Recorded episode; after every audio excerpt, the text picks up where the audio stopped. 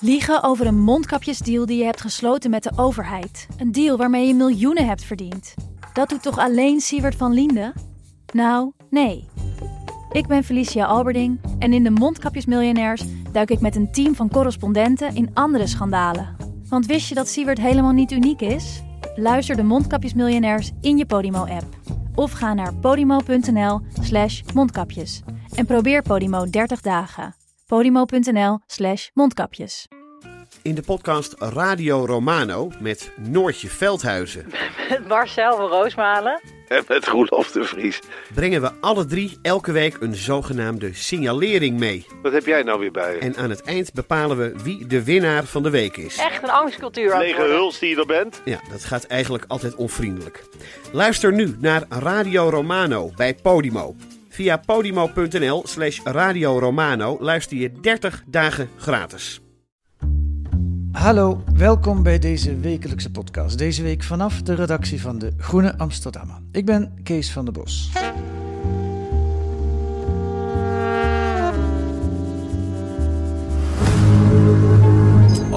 Your interactions, your credit card swipes, web searches, locations, likes, they're all collected in real time into a trillion dollar a year industry. The real game changer was Cambridge Analytica. They'd worked for the Trump campaign and for the Brexit campaign. They started using information warfare. Cambridge Analytica claimed to have 5,000 data points on every American voter. Dit is een fragment uit The Great Hack, een documentaire die te zien is op Netflix. Die geeft een huiveringwekkend beeld van de oorlog die er achter de schermen gevoerd wordt, met en om onze data. Data die we achterloos weggeven als we winkelen met een bonuskaart, een like sturen op Facebook. Of, zoals in het geval van Cambridge Analytica, gewoon bevriend zijn met iemand via wiens account dit bedrijf informatie stal van al de vrienden van die vriend. Deze week onderzoekt Koen van der Ven in De Groene de mogelijkheden die dit geeft aan politieke partijen om propaganda op maat te leveren. De politieke boodschap wordt helemaal afgestemd op uw persoonlijke voorkeuren en behoeften. Welkom Koen. Dankjewel. Na eerdere onderzoeken van jou over Twitter ben je nu in Facebook eh, gedoken. Je wordt eh, langzamerhand de specialist social media van de Groene Amsterdammer. Ehm, dit heb je samen gedaan met collega's van Argos, van Radio 1. Vertel eens, hoe is die samenwerking tot stand gekomen? Ehm, nou, eigenlijk ge- kwam dat omdat ehm, nou, met een van de journalisten bij Argos, David Davidson, die heeft ook wel vaker aan andere stukken gewerkt. eh, met weer een andere collega van mij bij De Groene. Maar wij praten eigenlijk altijd vrij open over waar ben je mee bezig? eh, wat ben je nu aan het onderzoeken? En ik denk begin dit jaar eh, nou, vertelde, kreeg hij te horen weer van een collega hier dat, waar ik mee bezig was. En nou hoorde ik ook weer waar hij mee bezig was. En we waren daar eigenlijk ook allebei los van elkaar lang mee bezig. Met hetzelfde eigenlijk. Ja, en eigenlijk nou, heel concreet. Ik was heel erg. Ik was een rondgang gaan maken langs alle politieke campaigners in Nederland. Nou, niet alle, maar wel een hoop. Van, om gewoon bij politieke partijen eens een gesprek te hebben van in hoeverre eh, reguleren jullie jezelf? En hij was eigenlijk gaan kijken bij de ministeries van wat gebeurt daar. Ja. En zodra we dat van elkaar hoorden, hebben we elkaar gebeld. En toen ik denk een half uur heel open verteld, wat, doe jij, wat doe jij? En toen zeiden we op een gegeven moment, nou ja, ik weet niet meer eens wie het zei, van kunnen dit dan niet beter samenvoegen? Het is precies hetzelfde thema, maar ook allebei in politiek Nederland, maar op een andere plek gekeken. Dus het is eigenlijk gewoon toeval. Je bent allebei Ja. op je eigen manier begonnen en bij elkaar gekomen. En afgelopen zaterdag was in de Argos eh, eh, uitzending was ook de documentaire daarover te horen. Daar zit jij ook in, Ja. volgens mij. Ehm, Oké, ehm, dat is hoe het tot stand gekomen is. Hoe gaat het dan verder? Hoe werk je dan samen? Nou, eigenlijk, ehm, ik had dan, kijk, ik, ik, ik heb een, ja, je werkt allemaal op een andere manier. Ik heb een hele verzameling aan, aan mapjes en transcripten van al die gesprekken, waar ik dan ook weer de rode draden uit heb gevist, waar ik eh, gewoon alles wat ik heb gehoord. Ik was een aantal boeken gelezen, ik heb een aantal mensen bij Facebook gesproken. Dat had ik allemaal verzameld en daar had ik al een soort ruwe samenvatting van. Even, Ja. Die gesprekken waren met politieke campaigners en die gingen over het, het microtargeting, over Ja. het, eh, het, het gebruik van allerlei data van mensen om ze te benaderen met een politieke boodschap. Ja, om, dat on- ja, om ze online te benaderen, eh, ja, meestal via social media. Ja, ja. daarover straks meer, maar even dat Ja. voor de duidelijkheid. En eh, dus ja, we begonnen gewoon van, nou, dan ga ik je nu gewoon mijn hele bestand sturen. En als jij naar jouw hele bestand terugstuurt, dan gaan we dat gewoon lezen van elkaar. En toen belden we heel snel, denk ik, gewoon weer op van, oh, dat is interessant. En dat vonden we ook weer allebei van elkaar. Dus dat ging eigenlijk heel, uh, heel snel. Ja. ja. en je moet elkaar vertrouwen dan als onderzoeksjournalist. Ja, maar dat zit wel goed met Argos. Uh, en, dat, en ook wel met deze journalisten. Dus dat ging, ja. In, ja, het, ja, dat ging in dit geval heel makkelijk eigenlijk. Ja. Oké, dan even samenvattend, wat is het grote nieuws van jullie onderzoek? Ja, we hebben er, uh, uh, nou, we, ik, denk we hebben er een aantal. Um, laat ik beginnen met uh, wat ik heel boeiend vind, is dat als je gesprekken voert met al die campaigners, dan kom je daar eigenlijk achter dat door het gebrek aan controle ze allemaal zelf moeten bepalen hoe ver ga ik in het online targeten van burgers met politieke boodschappen. Maar ze leggen allemaal die grens op een ander punt. En tegelijkertijd leiden ze allemaal aan zo'n prisoners dilemma, waarbij ze zich allemaal afvragen: als ik dit niet doe, uh, loop ik dan niet. Ja, je bent een beetje gek Henkie als je het niet doet. En daar leiden ze allemaal aan. Dus ja. zelfs de, de, wat meer uh, de partijen die zichzelf vergaand reguleren, maar ook de partijen die verder gaan. Ze kijken allemaal om zich heen en denken: hoe wenselijk is dit?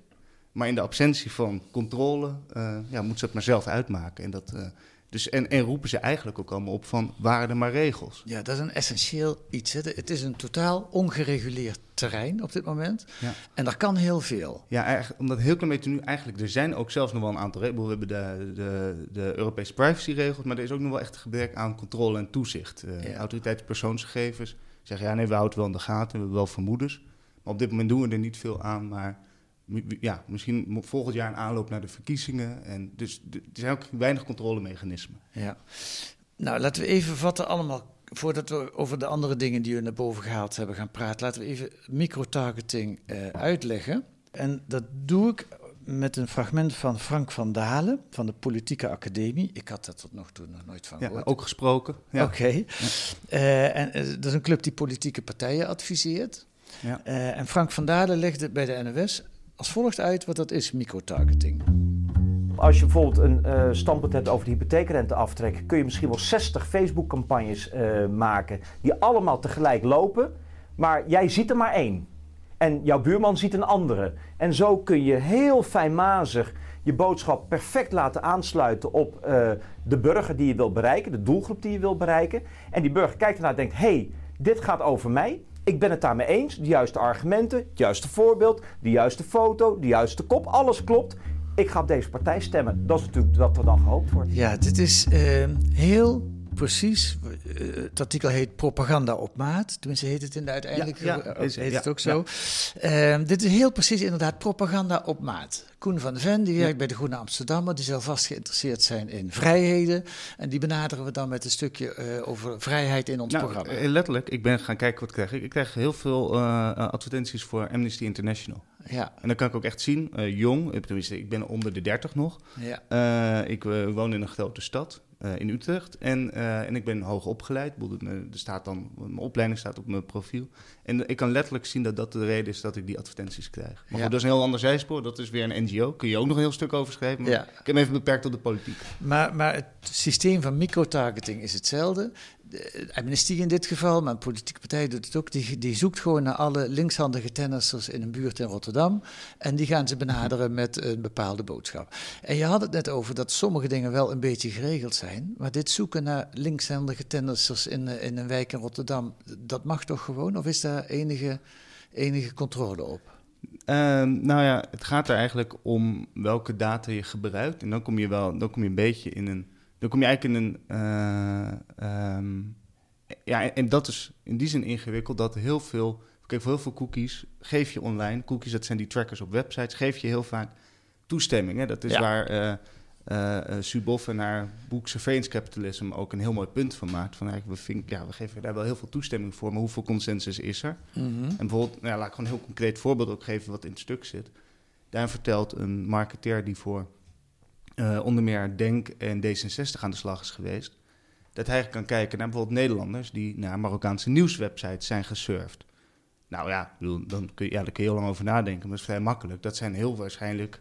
Bedoel, nou, er is een relatief grote kans dat je de Marokkaanse Nederlanders bereikt. Ja. Dus, ja. Nou ja, en dat, zijn, ja, dat is gewoon data waarvan het zelfs nog gewoon kan zijn dat mensen die vrijwillig hebben afgestaan. Ja. Overigens wordt er ook hier en daar gewaarschuwd door hoogleraren en ook door de autoriteit persoonsgegevens dat sommige data helemaal niet goed is verkregen. Maar dat is helemaal modderig. Dus Ja. het zicht daarop. En, Ja. Maar, en Facebook accepteert. Als je het Ja. uploadt, die gaan niet je bellen van... Goh, waar, waar heb je data vandaan gehaald? Dat is ook nog wel een punt. Ja, Ja.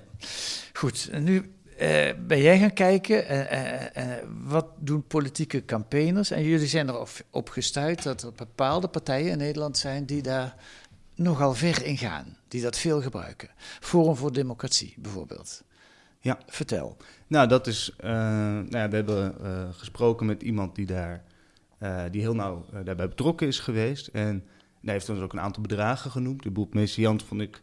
Hè, we herinneren ons allemaal de provinciale statenverkiezingen, waarbij Vorm de grootste partij werd. Overigens, die één op één relatie wil ik helemaal niet leggen. Maar goed, het is in ieder geval wel. Wat we in ieder geval weten is dat ze toen 1,1 miljoen euro aan online advertenties hebben gespendeerd. En dat is veel, hè? Dat is echt veel, waarvan, zei die bron, in de laatste dagen een ton per dag. Ja. Dat ging overigens over ook nog een aantal andere platformen, maar het leeuwendeel eh, was wel Facebook. En daarmee zijn het grote jongens, steken ze uit boven de andere Ja, partijen. ja hè, ook als je nu kijkt, Facebook heeft een advertentiebibliotheek ingericht, kan iedereen heen. Ja. Ehm, is ook nog wel wat op aan te merken, maar ook dat is misschien voor een ander verhaal. Maar in ieder geval kan je daar een hele hoop zien. En onder meer kan je zien, als je een beetje doorklikt, wat eh, partijen uitgeven. Ja. Eh, en dan, eh nou, Vorm voor Democratie, met, eh, ja, die steekt daar met, ja, of de schouder bovenuit, hoe zeg je dat? Steekt, het is de grootste. Ja, ja. Nou, nou kun je je nog afvragen, hoe effectief is dit allemaal?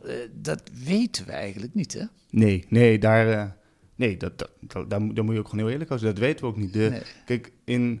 ehm, bijvoorbeeld, we hebben de, nou, die hele Cambridge Analytica casus. Waar we, we begonnen met een fragment daarover. Ja, komen we zo ook nog op. Ja, nou dat is ook een... eh, ja, dat bedrijf heeft hele grote beloftes gedaan. Dat kunnen we nu ook teruglezen in gelekte e-mails. Ja, dat maar we ik. weten nog niet... Ja, het, het directe effect, ja, daar- ja, daar wil ik niet aan branden. Dat weet nee, ik niet. Nee, nee, er zijn best veel mensen die zeggen dat het heel veel effect heeft. Trump zou niet gewonnen hebben zonder Cambridge Analytica.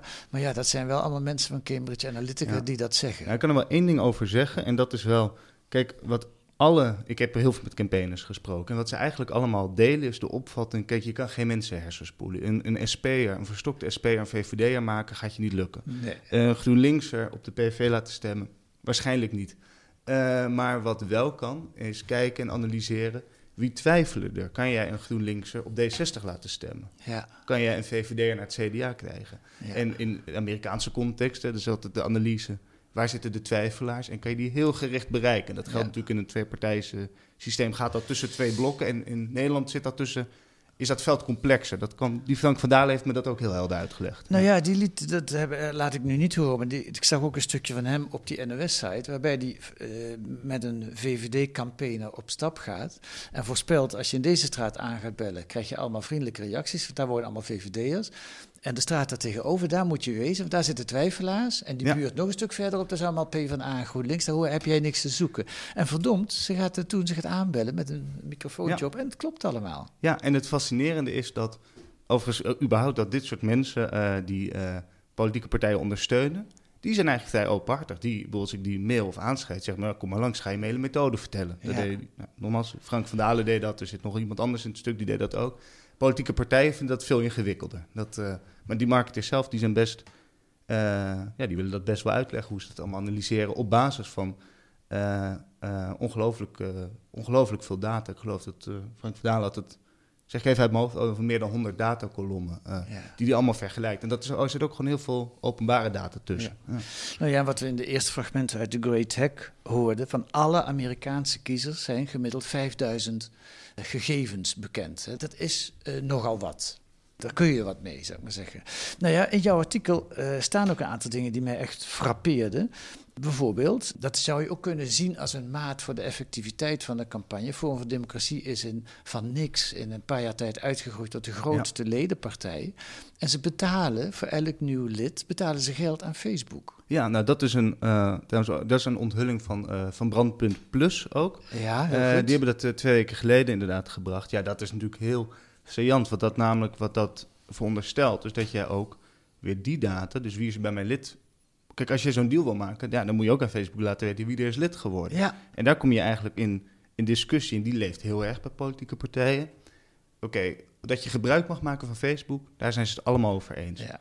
Maar hoe je er gebruik van maakt, of jij zelf ook laten we zeggen, de machine voedt. Dus of jij zelf ook data gaat uploaden naar Facebook. Bijvoorbeeld uh, de e-mailadressen van jouw partijleden. Ja. Nou, daar trekken ze hele andere grenzen. Uh, om maar gewoon even twee voorbeelden te noemen. GroenLinks, D66, uh, PvdA, nou, die, zijn daar, die hebben dat echt vastgelegd. Dat doen wij niet.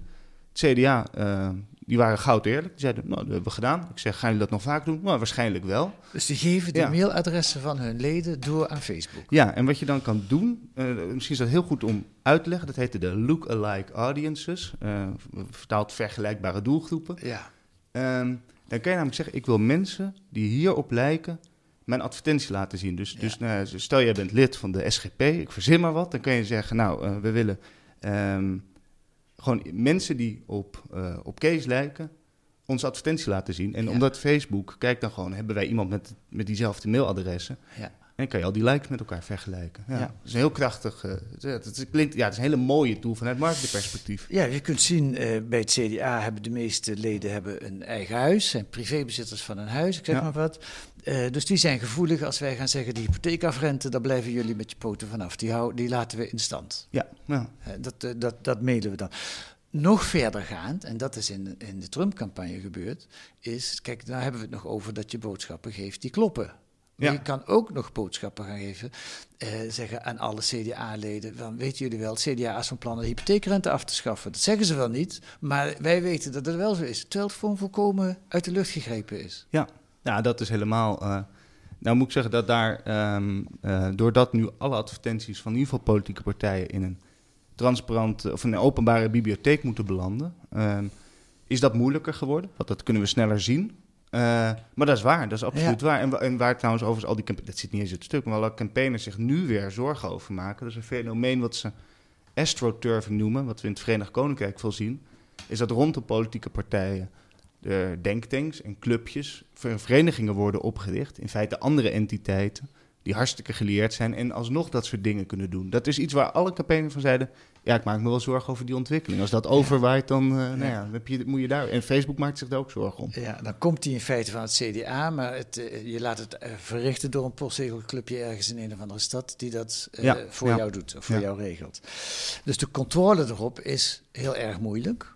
Mm -hmm. nou ja, laten we meteen daar naartoe doorgaan dat is waar je in het begin ook al zei, al die campaigners hebben daar ook last van, dat er weinig geregeld is. Ik denk, als ik het zo zie, dat is toch helemaal niet te regelen. Volgens mij moet je het gewoon verbieden of toestaan, maar hoe kun je dat in godsnaam regelen? Nou, dat, ja, dat is een heel goed punt. Dat is, uh, dat, nou ja, wat we zelfs, en dat vond ik, dat vond ik een heel, uh, dat kwam dus terug op het, we hebben een, uh, we hebben ook een, we hebben een WOP-verzoek gestuurd naar het ministerie van Algemene Zaken met eigenlijk de vraag van hoe wordt hierover nagedacht? Want dat is ook een ministerie dat moet nadenken over de communicatie van de verschillende ministeries, dus ja. de regering. En uh, daar zie je heel erg dat ze hiermee hebben geworsteld. Van in de zomer van 2018 gaat er voor het eerst een memo onder ambtenaren rond van mogen wij uh, heel klein stukje context. Toen hadden we net uh, toen hadden we het uh, referendum op de WIF gehad, ja. de sleepwet, zoals iedereen herinnert zich die als de sleepwet. De wet op de inlichtingen en veiligheidsdiensten, ja. en die verworpen is. Hè, die verworpen is. En tot die, ieders ja, verbazing. Tot ieders verbazing. En, die, um, en je ziet dat die ambtenaren maken zich zorgen in die memo van...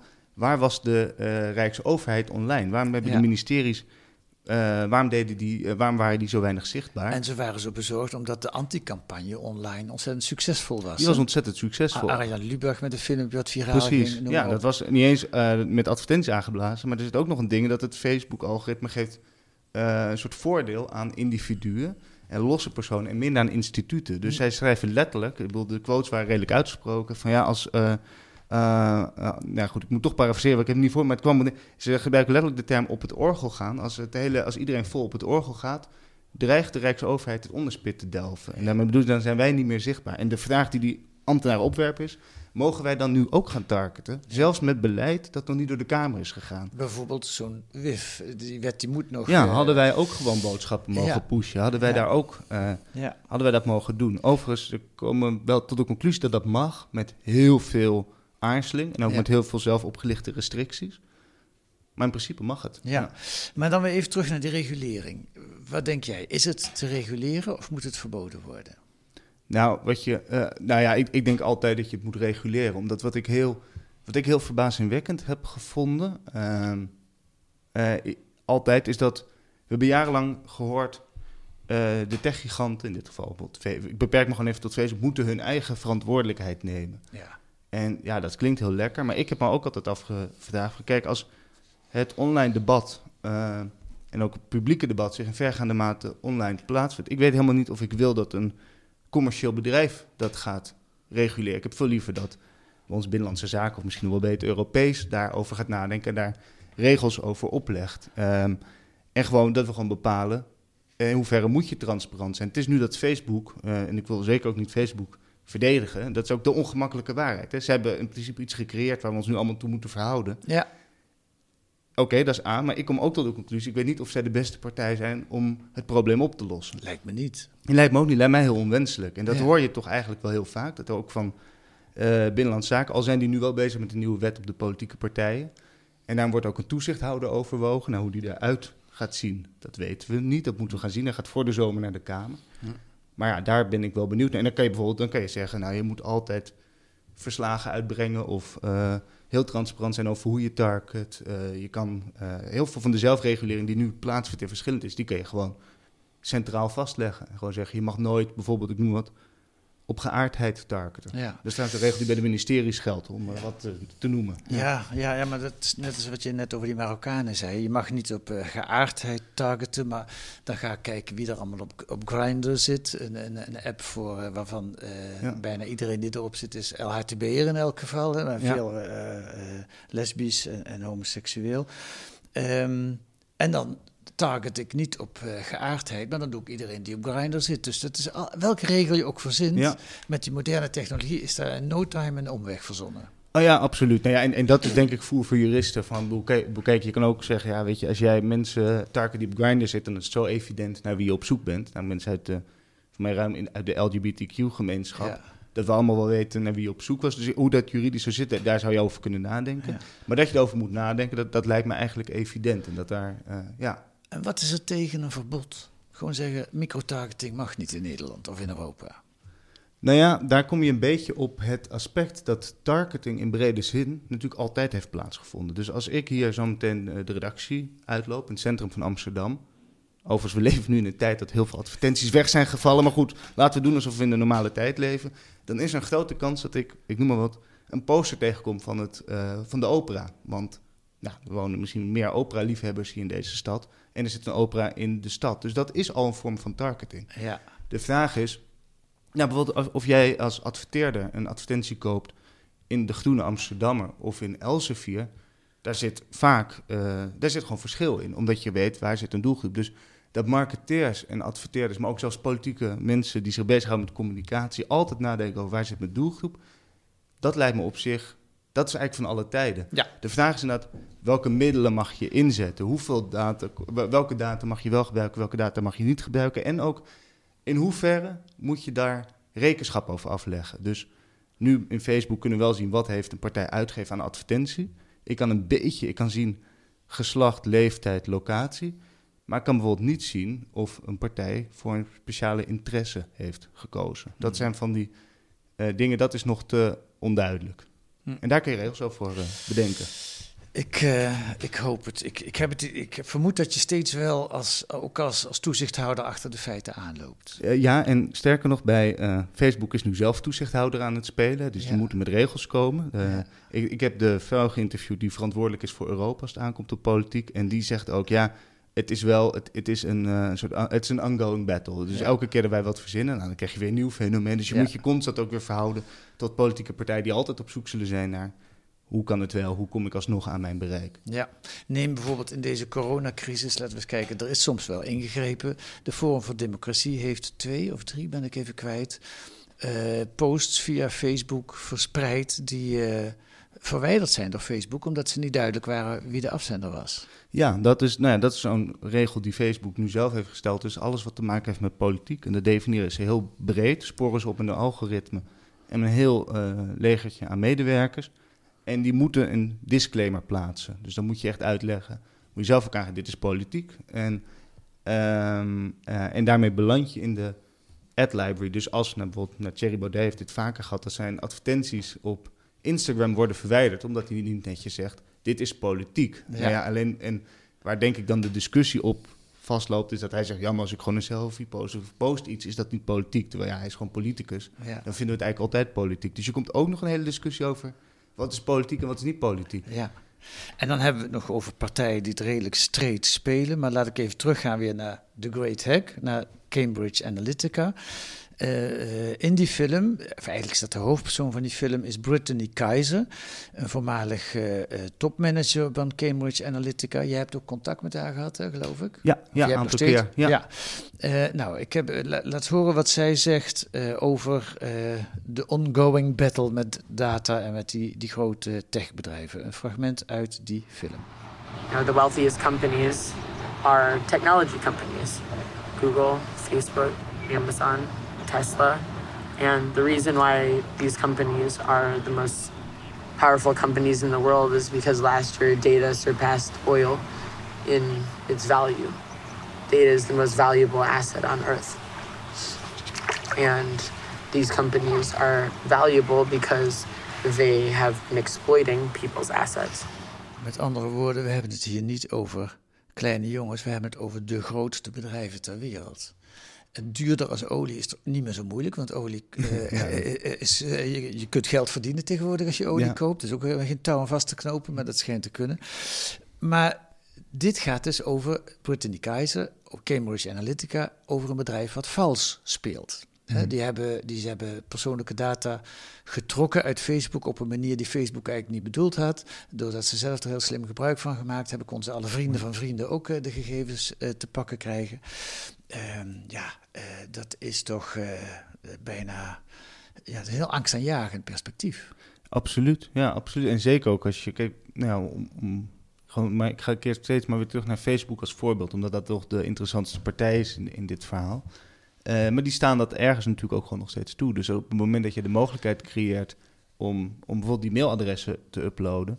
Nou, hoe weet Facebook nou hoe ik aan die mailadressen kom? Dus ik, ik, als ik, ik kan illegaal een heel, eh, ik kan een hele Excel-sheet kopen, dat mag niet. Maar als ik die volgens upload, dan op dat moment, ja, ken- kennelijk kan dat. Terwijl, Ja. waar is daar de controle op? Dus het hangt heel erg af van de mensen die zich hiermee bezighouden, ook gewoon goedwillende marketeers, doen dat natuurlijk eh onbespied. Die kunnen Ja. dit doen zonder dat ze daar, zonder dat ze zichtbaar zijn. Ik merkte trouwens ook bij veel campaigners die ik vroeg van, kan ik een keer praten, kunnen koffie drinken? Dat ze allemaal een beetje waren van, ja, wat wil je dan weten? En, en ook soms ook weinig benul hadden van wat andere partijen deden. Dus dat vind ik ook heel interessant. Dus het, is ook niet, ja, het is ook niet dat die met z'n allen contact hebben en heel vaak weten, oh jij doet dit, jij doet dit, Nee. wij doen dit niet. Nee. Tot slot, over hoe ernstig het is, nog een fragment uit The Great Hack. Carol Cadwallader, Wallader, ik weet niet precies of ik haar naam goed uitspreek, onderzoeksjournaliste van The Guardian en de Ja. Observer, je zit al ja te knikken. Die, eh, het, is natuurlijk eigenlijk heel dramatisch. Hè? Het begint allemaal als een vriendennetwerk, Facebook, eh, internet ook. En, en het wordt nu, het was bedoeld om ons allemaal met elkaar te verbinden en om de wereld eh, mooier te maken. En waar Ja, leidt het ja. toe dat we, dat we steeds meer misleid lijken te worden? In een TED-talk van vorig jaar zegt Carol Cadwallader het zo. Because you set out to connect people, and you are refusing to acknowledge that the same technology is now driving us apart. And what you don't seem to understand is that this is bigger than you, and it's bigger than any of us. And it is not about left or right, or leave or remain, or Trump or not. It's about whether it's actually possible to have a free and fair election ever again. Dat zijn dramatische woorden. Is het echt zo dramatisch? Of is dat omdat zij zoveel met Cambridge Analytica bezig geweest is, dat ze een wat verstoord beeld van de werkelijkheid heeft gekregen? Nou, ik moet zeggen, nou, nou, ik zou nooit zeggen dat zij een verstoord beeld van de werkelijkheid heeft, denk ik. Maar, ehm, nou ja, ik weet ook niet of we nu al op het punt zijn dat het, dat het, dat het nu heel ernstig is. Maar ik bedoel, als we nu op, nou, als we nu op die glijbaan al zitten, bedoel, het lijkt me wel heel goed om te filosoferen over waar willen we dat die eindigt. En Ja. om maar, eh, wat ik een heel mooi, eh, mooi punt vond, dat, dat vertelde Tom Dobber mij, eh, die promoveert deze zomer bij de UvA. Die, heeft heel, die, schrijft hij al jarenlang hele mooie stukken over als, als wetenschapper. Kijk, op dit moment word je eigenlijk... Hij zei, ja, eigenlijk zijn we nu de publieke sfeer aan het opknippen. Het publieke debat, dat zit al in de naam, is per definitie gemeenschappelijk. Maar in hoeverre wil je dat eigenlijk, dat dat wordt opgeknipt naar allemaal... en dat we zelfs dat in onze samenleving individualiseren? Is er ook niet een soort, uh, soort burgerplicht als je stemgerechtigd bent... om te weten wat, uh, nou, niet direct dus wat je buurman uh, zich afvraagt... want dat zou weer heel eng zijn... maar dat je wel weet wat speelt er in de samenleving... en dat we met elkaar een open gesprek hebben... en niet allemaal individuele gesprekjes. En daar zit ik denk dat we daar nog helemaal niet zijn, maar dit is wel een soort ontwikkeling die kant op. En daar mag je natuurlijk wel vroegtijdig voor waarschuwen. Ik denk dat je het vroegtijdig moet reguleren. En daar mag je natuurlijk wel heel uh, echt wel je vraagtekens bij zetten. Ja, en die vraagtekens worden groot als je jouw artikel leest. Als je naar The Great Hack kijkt, dat kan ik ook iedereen aanraden op Netflix. Of afgelopen zaterdag naar, uh, nog eens terugluistert via de podcast naar de Argos-uitzending. Koen van der Ven, dankjewel voor het gesprek. Ja, dankjewel.